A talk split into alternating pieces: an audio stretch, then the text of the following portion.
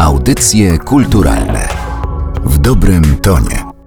To są audycje kulturalne, podcast Narodowego Centrum Kultury przy mikrofonie Aleksandra Galant. Myślę, że nie pomylę się wiele, jeżeli powiem, że teksty pisane przez Jarosława Iwaszkiewicza, zarówno jego opowiadania, jak i dramaty, są jednymi z najchętniej filmowanych tekstów w historii polskiego kina. To się oczywiście teraz zmienia za sprawą chociażby pojawiających się lawinowo kryminałów, ale nie ulega wątpliwości, że sięgając do klasyki polskiego kina, odnajdziemy tam wiele obrazów, których podstawą były właśnie teksty Jarosława Iwaszkiewicza. Sama zaczęłam zastanawiać się nad różnymi obrazami, filmami, które po prostu lubię i okazało się, że wśród nich również te ekranizacje się znajdują. No i to, jak się domyślacie, przyniosło kolejne pytanie, mianowicie w czym tkwi fenomen tej literatury? Myślę, że jedną z możliwych odpowiedzi znalazłam w słowach Janusza Majewskiego, który powiedział, że chodzi o wyraziste ludzkie portrety psychologiczne, w które aktorzy chętnie się w takie postaci wcielali. Ale czy to wszystko? Nie sądzę. Na szczęście pomoc w znalezieniu odpowiedzi na te pytania zadeklarowała pani dr Paulina Kwiatkowska, historyczka i teoretyczka filmu z Instytutu Kultury Polskiej Uniwersytetu Warszawskiego, z którą właśnie na temat filmowych opowiadań Jarosława Iwaszkiewicza będę rozmawiała. Pani doktor, bardzo jest mi miło gościć panią w audycjach kulturalnych. Mi również jest bardzo miło, bardzo dziękuję za zaproszenie. Pytanie, od którego chciałabym zacząć, dotyczy takiej bardzo wyrazistej cechy pisarstwa, czy też utworów Jarosława Iwaszkiewicza, którą ja sobie wyodrębniam, ale myślę, że robię to w ślad za wieloma teoretykami literatury i znawcami literatury.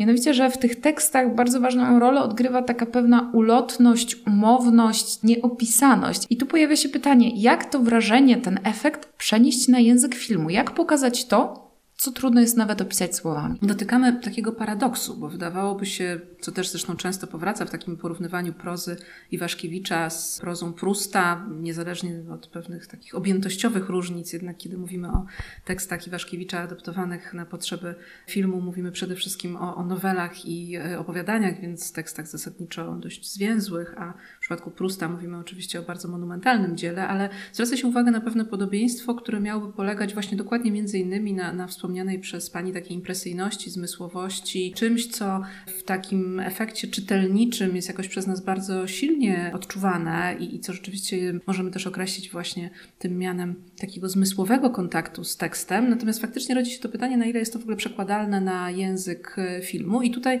pojawia się trochę ten wspomniany paradoks, ponieważ pamiętajmy, że właśnie choćby o prozie Prusta mówi się jako o takiej, która jest nieadaptowalna właśnie. Czego możemy się tutaj uchwycić, pytając o to, dlaczego proza Iwaszkiewicza tak mocno zrosła się z polskim kinem. Jedna rzecz wydaje się strasznie prosta i niejako już przed chwilką o niej powiedziałam. To znaczy te opowiadania i te teksty są zwięzłe są bardzo skondensowane, czyli nawet jeżeli rzeczywiście rozpraszają się w tej zmysłowości, nawet jeżeli są często bardzo gęste od takich trudno uchwytnych nastrojów, często gdzieś przekierowują uwagę czytelnika czy czytelniczki w stronę właśnie tego, co w rzeczywistości może nie jest takie pierwszoplanowe, może nie jest przez nas widziane czy dostrzegane w takim pierwszym odruchu, tylko raczej budzi właśnie taką pracę skojarzeniową, odwołuje się do też naszej wrażliwości, to jednocześnie same same ramy narracyjne tych opowiadań są bardzo domknięte, są bardzo jakby precyzyjnie wyznaczone. I wydaje mi się, że na tym polega między innymi ten fenomen i ten sukces prozy Iwaszkiewicza, że ona właśnie łączy to, co bardzo urotne i rozproszone, z czymś, co jest bardzo konkretne, z czymś, co daje się bardzo dobrze uchwycić. Czyli, żeby to odnieść właśnie do czegoś konkretniejszego, jeśli choćby weźmiemy Panny z Wilka czy Brzezinę w reżyserii Andrzeja Wajdy, to doskonale widzimy tam właśnie ten mechanizm. To znaczy, z jednej strony praca kamery, takie zainteresowanie kamery, kieruje się bardzo często w stronę tego, co jest gdzieś głębiej ukryte, tego, co jest gdzieś w głębi kadru, tego, co stanowi o takiej dynamice tła w tych adaptacjach, takiego tła, które jest z jednej strony tłem natury, przyroda, las, pole, kwitnienie, albo właśnie przeciwnie, pejzaże umierające. Z drugiej strony taki detal trochę architektoniczny, przede wszystkim taki scenograficzny, tak? czyli te przestrzenie chociażby domów są też gęste od drobnych gdzieś detali, które właśnie tę naszą uwagę jakoś rozpraszają, które odpowiadają za przekonanie, że te filmy są rzeczywiście nasycone taką właśnie zmysłowością dokładnie. Ale z drugiej strony mamy cały czas na pierwszym planie precyzyjnie zarysowane postaci, kilka postaci, nigdy niezbyt wiele właściwie. Mamy jakieś, nawet jeśli dla nas nie do końca oczywiste, ale jednak silnie budowane relacje. Nie mamy wątpliwości, że na pierwszym planie mamy relacje międzyludzkie. One mogą nie być, tak jak wspomniałam przed chwilą, takie do jednoznacznego nazwania. Nie zawsze jesteśmy w stanie powiedzieć, co łączy albo co dzieli bohaterów i bohaterki tych filmów i tych, i tych opowiadań, ale nie mamy wątpliwości, że to, co się dzieje na pierwszym planie, jest bardzo precyzyjnie rozrysowane. Rzeczywiście, kiedy pani mówiła, ja miałam przed oczami Panny z Wilka, bo to jest taki bardzo ważny dla mnie film. Film, który spotkał się z bardzo dużym uznaniem również poza granicami Polski. Jeżeli dobrze pamiętam, to był nawet polski kandydat do Oscara. Jak sobie myślę o tej historii przede wszystkim, to tam aż kipi od emocji, mimo że ten wiejski spokój trochę to przykrywa, mimo że to jest tak wygładzone trochę konwenansem, tym wiejskim spokojem, ale te emocje, i to jest już chyba po stronie również aktorów, te emocje tam buzują. Pokazują taką cechę charakterystyczną prozy y, Iwaszkiewicza, czyli taką właśnie mocno zarysowaną relację człowiek-świat. To nie jest oczywiście nic nowego, żeby powiedzieć, że kino bardzo lubi takie teksty literackie, które są mocno antropocentryczne, czyli takie, które w środku, w centrum, w centrum zainteresowania blokują człowieka, jego emocje, relacje, interakcje. I rzeczywiście tutaj Iwaszkiewicz no, jest takim mistrzem takich mocnych portretów właśnie, takich postaci, które często poznajemy, jak się wydaje, niekoniecznie w jakichś najbardziej przełomowych momentach ich życia. To jakby nie fakty, nie to, co konkretnie im się przydarza, stanowią ich wyjątkowości, tylko raczej właśnie ten pogłębiony wgląd taki psychologiczny. Ci ludzie są dla nas interesujący nie dlatego, że aktywnie uczestniczą w jakiejś historii, tak, w tej tak zwanej wielkiej historii, dlatego że angażują się w coś obiektywnie bardzo ważnego, tylko dlatego, że bardzo szybko orientujemy się, że skrywają w głębi może rodzaj jakiejś tajemnicy, może coś ukrywają przed samymi sobą, na pewno z czymś się zmagają i to też jakby wzmaga bardzo to zainteresowanie, a jednocześnie Iwaszkiewicz, a za nim reżyserzy i reżyserki, choć ich było oczywiście o wiele mniej, potrafią to oczywiście świetnie też już w filmowych adaptacjach wykorzystać. No właśnie to rozegranie spojrzenia w głąb, w głąb po prostu psychiki e, człowieka, jego emocji, jego wrażliwości, jest skonfrontowany właśnie z tym spojrzeniem na zewnątrz, spojrzeniem ku światu, w którym ten człowiek funkcjonuje i to jest rzeczywiście bardzo często ten świat przyrody, świat natury, to jest często ten świat peryferyjny. Ja bym też powiedziała, że, że kino znów na prawach paradoksu lubi peryferia, lubi przyglądać się tym miejscom, które wydają się jeszcze jakoś tak przez kamerę może nie, nie spenetrowane do końca, które mają w sobie może jakiś taki naddatek emocji i dobrze też współtworzą właśnie to, o czym powiedziałam przed chwilą, czyli to spojrzenie w głąb człowieka. Bo tutaj ewidentnie myślę, w tych adaptacjach, podobnie jak w samej prozie Iwaszkiewicza, widzimy to takie ciągłe napięcie pomiędzy krajobrazami, przestrzeniami, tym światem natury, a tym, co dzieje się w ludzkim wnętrzu, w ludzkiej psychice, w tych stanach świadomości. Wszystko drga. Nie wiem, czy tak można powiedzieć, ale takie wrażenie chyba można odnieść oglądając te filmy. Kiedy mówiła Pani o napięciu, pomyślałam sobie, że istnieje tam też taka biegunowość, to znaczy Iwaszkiewicz łączy skrajności i to chyba też jest osią tych opowiadań, tych tekstów, mianowicie bliskość miłości i śmierci, młodości i starości. Takie skrajności, które no, są od siebie tak odległe, że ich spotkanie, zbliżenie musi powodować jakieś spięcie czy jakieś mocne wydarzenie. Zwłaszcza pewnie na plan pierwszy wybija się to napięcie między miłością i śmiercią, które przecież nie muszą być sobie przeciwstawiane. To nie jest taka jakaś oczywista dychotomia. Bardziej oczywistą byłaby miłość i nienawiść, albo życie i śmierć. Natomiast miłość i śmierć niekoniecznie musimy traktować tak biegunowo, ale faktycznie tak właśnie ta relacja jest rozpisywana przez Iwaszkiewicza. Bardzo często bliskość doświadczenia śmierci własnej albo cudzej zmusza czy skłania bohaterów czy bohaterki do takiej podróży w głąb siebie albo też podróży ku przeszłości, właśnie tam, gdzie skrywa się ta najczęściej już stracona miłość. Choćby tutaj ujawnia się, ujawnia się to napięcie. Ono oczywiście może też tłumaczyć właśnie ten fenomen popularności prozy Iwaszkiewicza w kinie, bo znów kino bardzo lubi tę właśnie tematykę. Często oczywiście w taki sposób strasznie uproszczony, ale jednak nie pozbawiony pewnego sensu. No, mówi się o tym, że właściwie zdecydowana większość produkcji filmowej, niezależnie od tego, czy mówimy o kinie artystycznym, czy mówimy o kinie popularnym, no boryka się z tymi właśnie dwoma tematami, miłością i śmiercią. Nawet kino gatunkowe dałoby się tak rozpisać i pokazać te gatunki, które wyraźnie są bardziej zainteresowane miłością, te, które wyraźnie bardziej zainteresowane są śmiercią, w tym również przemocą, i te, które gdzieś łączą tę tematykę, jak chociażby tradycyjny melodramat. U Iwaszkiewicza oczywiście z takim klasycznym melodramatem nie mamy do czynienia. On wyraźnie wysubtelnia tę relację miłość i śmierć. To nie jest tak, że opowiada nam historię takie właśnie typowo melodramatyczne, miłości niemożliwej, która w związku z tym musi się skończyć śmiercią. Raczej pokazuje powoduje, że to są po prostu dwie bardzo intensywne siły, które rządzą ludzkim życiem, które bardzo często no, wyznaczają po prostu właśnie te momenty zwrotne w takich też intymnych biografiach. To jest to, wokół czego człowiek właściwie buduje swój krajobraz emocjonalny. Tak? To jest doświadczenie miłości, różnych zresztą miłości i doświadczenie śmierci, często też lęk przed śmiercią albo próba pogodzenia się ze śmiercią. Nie jestem zwolenniczką przesadnego freudyzowania, natomiast tutaj te skojarzenia z tym popędem miłości, popędem śmierci nasuwają się same. Wymieniałyśmy do tej pory przede wszystkim przykłady adaptacji filmowych, które są dziełem Andrzeja Wajdy i chyba zwłaszcza w jego przypadku mówi się o takim kinie intymnym. We wszystkich tych filmach, czy Brzezina, czy Panny z Wielka, czy Tatarak pojawiają się bardzo mocne, charakterystyczne, wyraziste portrety kobiet, będące też dużym polem do popisu dla aktorek, które się w te role u Wajdy wcielały. Ale jeżeli mówimy o kobietach, no to tutaj nie sposób nie wspomnieć z kolei o monumentalnym, chyba mogę użyć tego e, słowa, dziele Jerzego Kawalerowicza. Chodzi mi o matkę Joannę od Aniołów z wielką rolą e, Lucyny Winnickiej i tutaj mam wrażenie, że trudniej jest mówić o tym, co omawiałyśmy do tej pory, o tej intymności, o spokoju, zawieszeniu, drganiu, no bo tutaj te emocje są wyrażane bardzo wprost. Co więcej, powiedziałabym, że podobnie, czy w podobnym kluczu i w przy podobnego języka można byłoby charakteryzować um, opowiadanie Iwaszkiewicza, ten pierwowzór literacki, czyli Matka Joanna od Aniołów. To również jest proza, ja akurat też przed naszą rozmową sobie przypomniałam te najważniejsze opowiadania Iwaszkiewicza.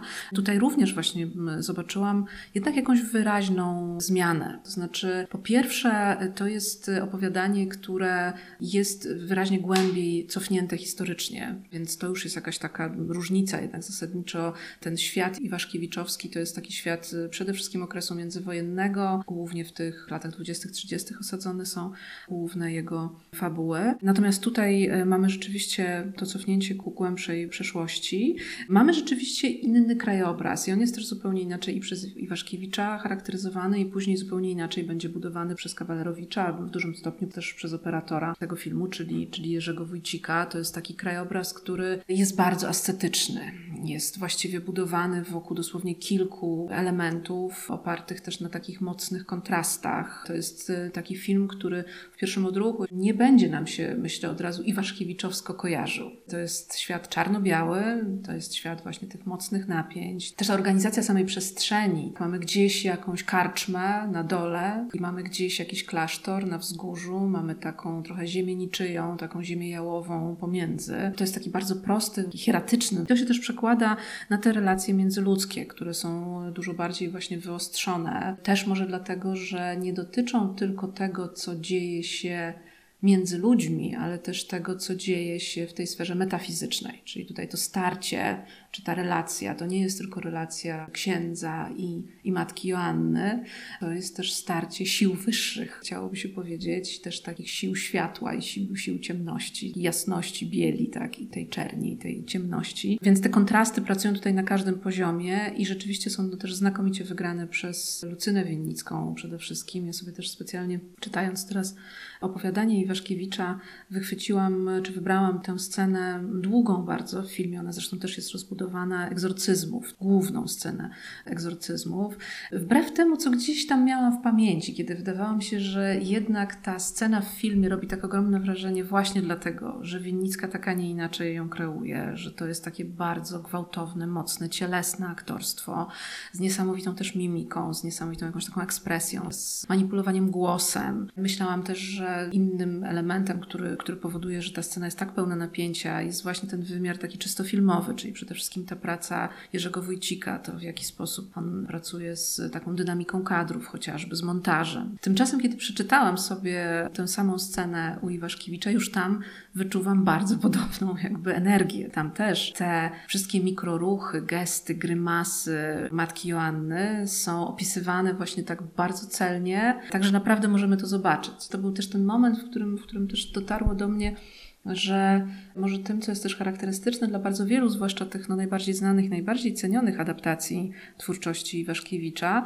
jest to, że ich twórcy podążali za Iwaszkiewiczem. To znaczy, że oni go bardzo dobrze czytali, bardzo wnikliwie czytali i nie tyle działali wbrew, nie tyle jakby żerowali, co przecież często się zdarza, nie tyle żerowali na takim pierwowzorze, tylko poszukiwali rzeczywiście takich filmowych ekwiwalentów dla różnego rodzaju zabiegów językowych, formalnych, narracyjnych stosowanych przez Iwaszkiewicza. Jeżeli sobie przypominam, Lucyna Winnicka w kilku wywiadach mówiła, że to była rola, która mm, kosztowała ją nie tylko sporo takiej fizycznej pracy na planie, ale też wiązała się z jakimś okupieniem psychicznym, z jakimś takim ciężarem, który ona wzięła na swoje ramiona i który potem bardzo, bardzo długo z niej schodził. To jest oczywiście historia na inną rozmowę na temat tego zaangażowania aktora w rolę, ale myślę, że te postaci, które kreował, które tworzył Jarosław Iwaszkiewicz, właśnie tego od aktorów niejednokrotnie wymagały. Bym jeszcze dorzuciła inny przykład, tym razem wracając do Wajdy, ale do filmu, o którym jeszcze nie mówiłyśmy, czyli do, do Tataraku. To również jest taki film, prawda, w którym ta główna rola Krystyny Jandy, no, nawet poniekąd też no, ze względu na, na sam charakter tej adaptacji, która jest taka bardzo wielowymiarowa i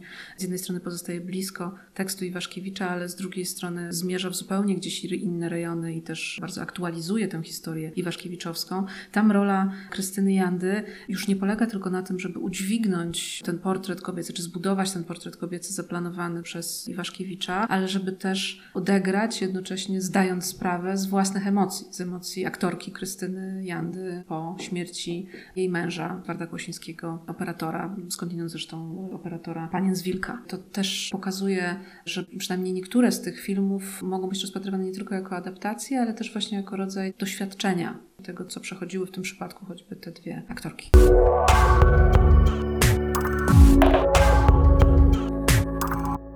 Tatarak jest jednym z najbardziej osobistych filmów, e, jakie ja widziałam. To już był portret tak intymny, że ja miałam wrażenie, że widzę coś co jest tak osobiste, że nie powinno być pokazywane, ale może na tym polega to wielkie aktorstwo. Rozmawiałyśmy już o różnych cechach tekstów Iwaszkiewicza, które były pociągające czy interesujące dla reżyserów, ale pomyślałam sobie, że one mają też jedną cechę, są bardzo wymagające. I okazuje się, że w historii byli reżyserzy, którzy trochę tego ciężaru nie udźwignęli, bo jednak nie wszystkie adaptacje spotkały się z entuzjazmem krytyki i uznaniem widzów. I, i to są oczywiście takie mniej znane przykłady, ale Tatarek jest jednym z nich, bo Tatarek to jest też opowiadanie, które było było ekranizowane kilkukrotnie, no konkretnie dwa razy i na przykład wersja Andrzeja Szafiańskiego z 1965 roku no nie jest uznawana za arcydzieło. Podobnie z filmem Dom na pustkowiu, filmie niemalże zaraz powojennym, bo z 1949 roku.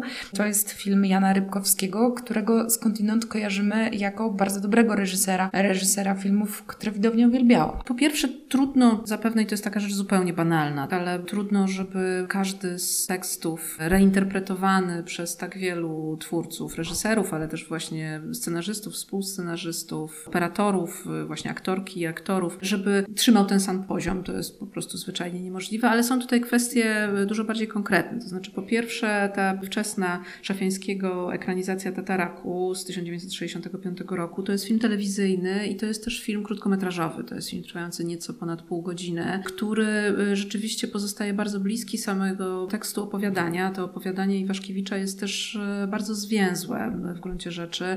W nim bardzo wiele w samym tym opowiadaniu rozgrywa się nie tyle w tej niewielkiej fabule, która tam jest skonstruowana, ile raczej w takiej pozycji, którą zajmuje narrator wobec tej historii. Tam mamy do czynienia z taką klamrą, w której narrator ujawnia, że jest pisarzem i że opowie nam historię, która sama w sobie być może wcale nie była aż tak interesująca i tak mocna i że daje sobie takie prawo do nadinterpretowywania tej historii. Więc to jest od razu taka klamra, która być może właśnie, jeśli ją potraktuje się zbyt prosto, to dla kina nie będzie zbyt wdzięczna. I tutaj rzeczywiście no, jest ten gest, który wykonuje Wajda, który powoduje, że, że ten film się całkowicie zmienia, że właściwie to opowiadanie Iwaszkiewicza jest tylko pewnym pretekstem i stanowi tylko część tej tkanki filmu, filmu Wajdy. W sytuacji, w której Szafiański zdecydował się na zrealizowanie filmu krótkiego i co więcej będącego po prostu taką dość oczywistą, czytelną ekranizacją, to nie zadziałało aż tak dobrze. Natomiast przypadek filmu Jana Rybkowskiego jest o wiele bardziej i symptomatyczny i tragiczny poniekąd, bo tak naprawdę trudno powiedzieć, jaki ten film był, ponieważ ten film miał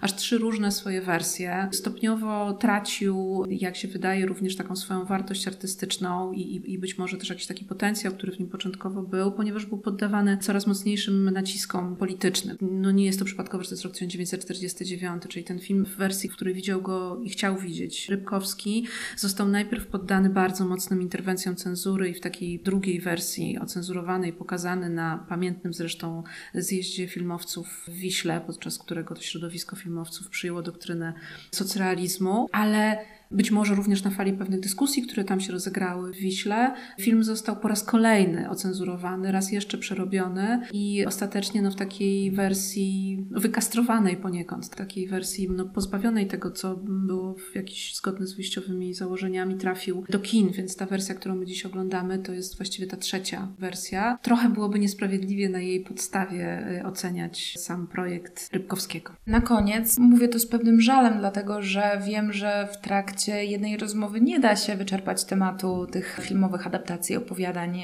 Iwaszkiewicza. Chciałabym tak naprawdę zwrócić uwagę i poprosić Panią o komentarz do takiej refleksji, takiej uwagi, takiego spostrzeżenia na temat ogromnego zróżnicowania stylów filmowych, jakie prezentują i prezentowali reżyserzy, którzy podejmowali się pracy z tymi tekstami. Edward Żebrowski, Barbara Haas, Agnieszka Holland, wspomniany Jan Rybkowski, Andrzej Wajda to są nazwiska tyleż wielkie, co takie osobistości świata filmu, które zapisały się w jego historii jako twórcy takich własnych, odrębnych stylów tworzenia. Z jednej strony tak y, i rzeczywiście to widzimy. Nawet porównanie tych filmów, o których dzisiaj była mowa, czyli choćby Matki Joanny od Aniołów i Panien z Wilka na przykład, pokazuje, że mamy do czynienia z zupełnie różnymi estetykami, poetykami, z zupełnie różnym językiem filmu, też w dużej mierze różnymi pomysłami w ogóle na to, jak ekranizować i jak traktować sam tekst, nie wspominając o Tataraku, który jest w gruncie rzeczy filmem dość eksperymentalnym tak naprawdę i może nawet jak na sam dorobek Wajdy jakoś zaskakującym. Więc oczywiście tak, każdy z tych reżyserów czy reżyserek odcisnął na pewno też takie wyraźne swoje piętno i operatorzy. Ja bym też bardzo mocno to podkreślała, bo akurat rzeczywiście te adaptacje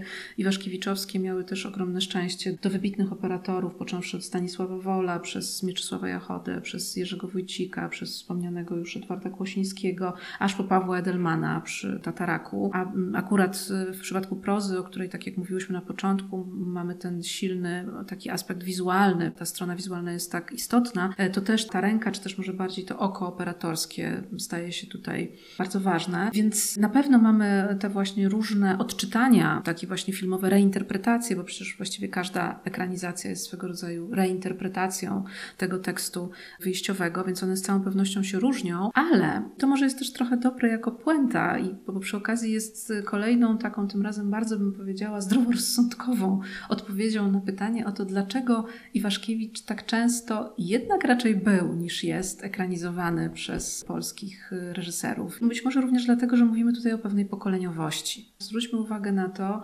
że te najważniejsze ekranizacje prozy Iwaszkiewicza są realizowane przez reżyserów albo wprost będących takim filarem polskiej szkoły filmowej, albo takich, którzy no, na tej polskiej szkole filmowej się wychowywali i która była dla nich takim naturalnym kontekstem, chociażby dla, dla SAS na przykład. Ale to, co wydaje mi się jeszcze ważniejsze, to znaczy to jest to pokolenie, czy może półtora pokolenia, dla którego proza Jarosława Iwaszkiewicza jest też o tyle ważna, o ile stanowi taki rodzaj pomostu między rzeczywistością międzywojenną a rzeczywistością powojenną. To jest taki pomost, który był dla zachowania jakiejś takiej ciągłości tradycji kulturowej bardzo ważny. Więc ja bym tutaj w tym też upatrywała takiego fenomenu gdzieś tej prozy Iwaszkiewicza.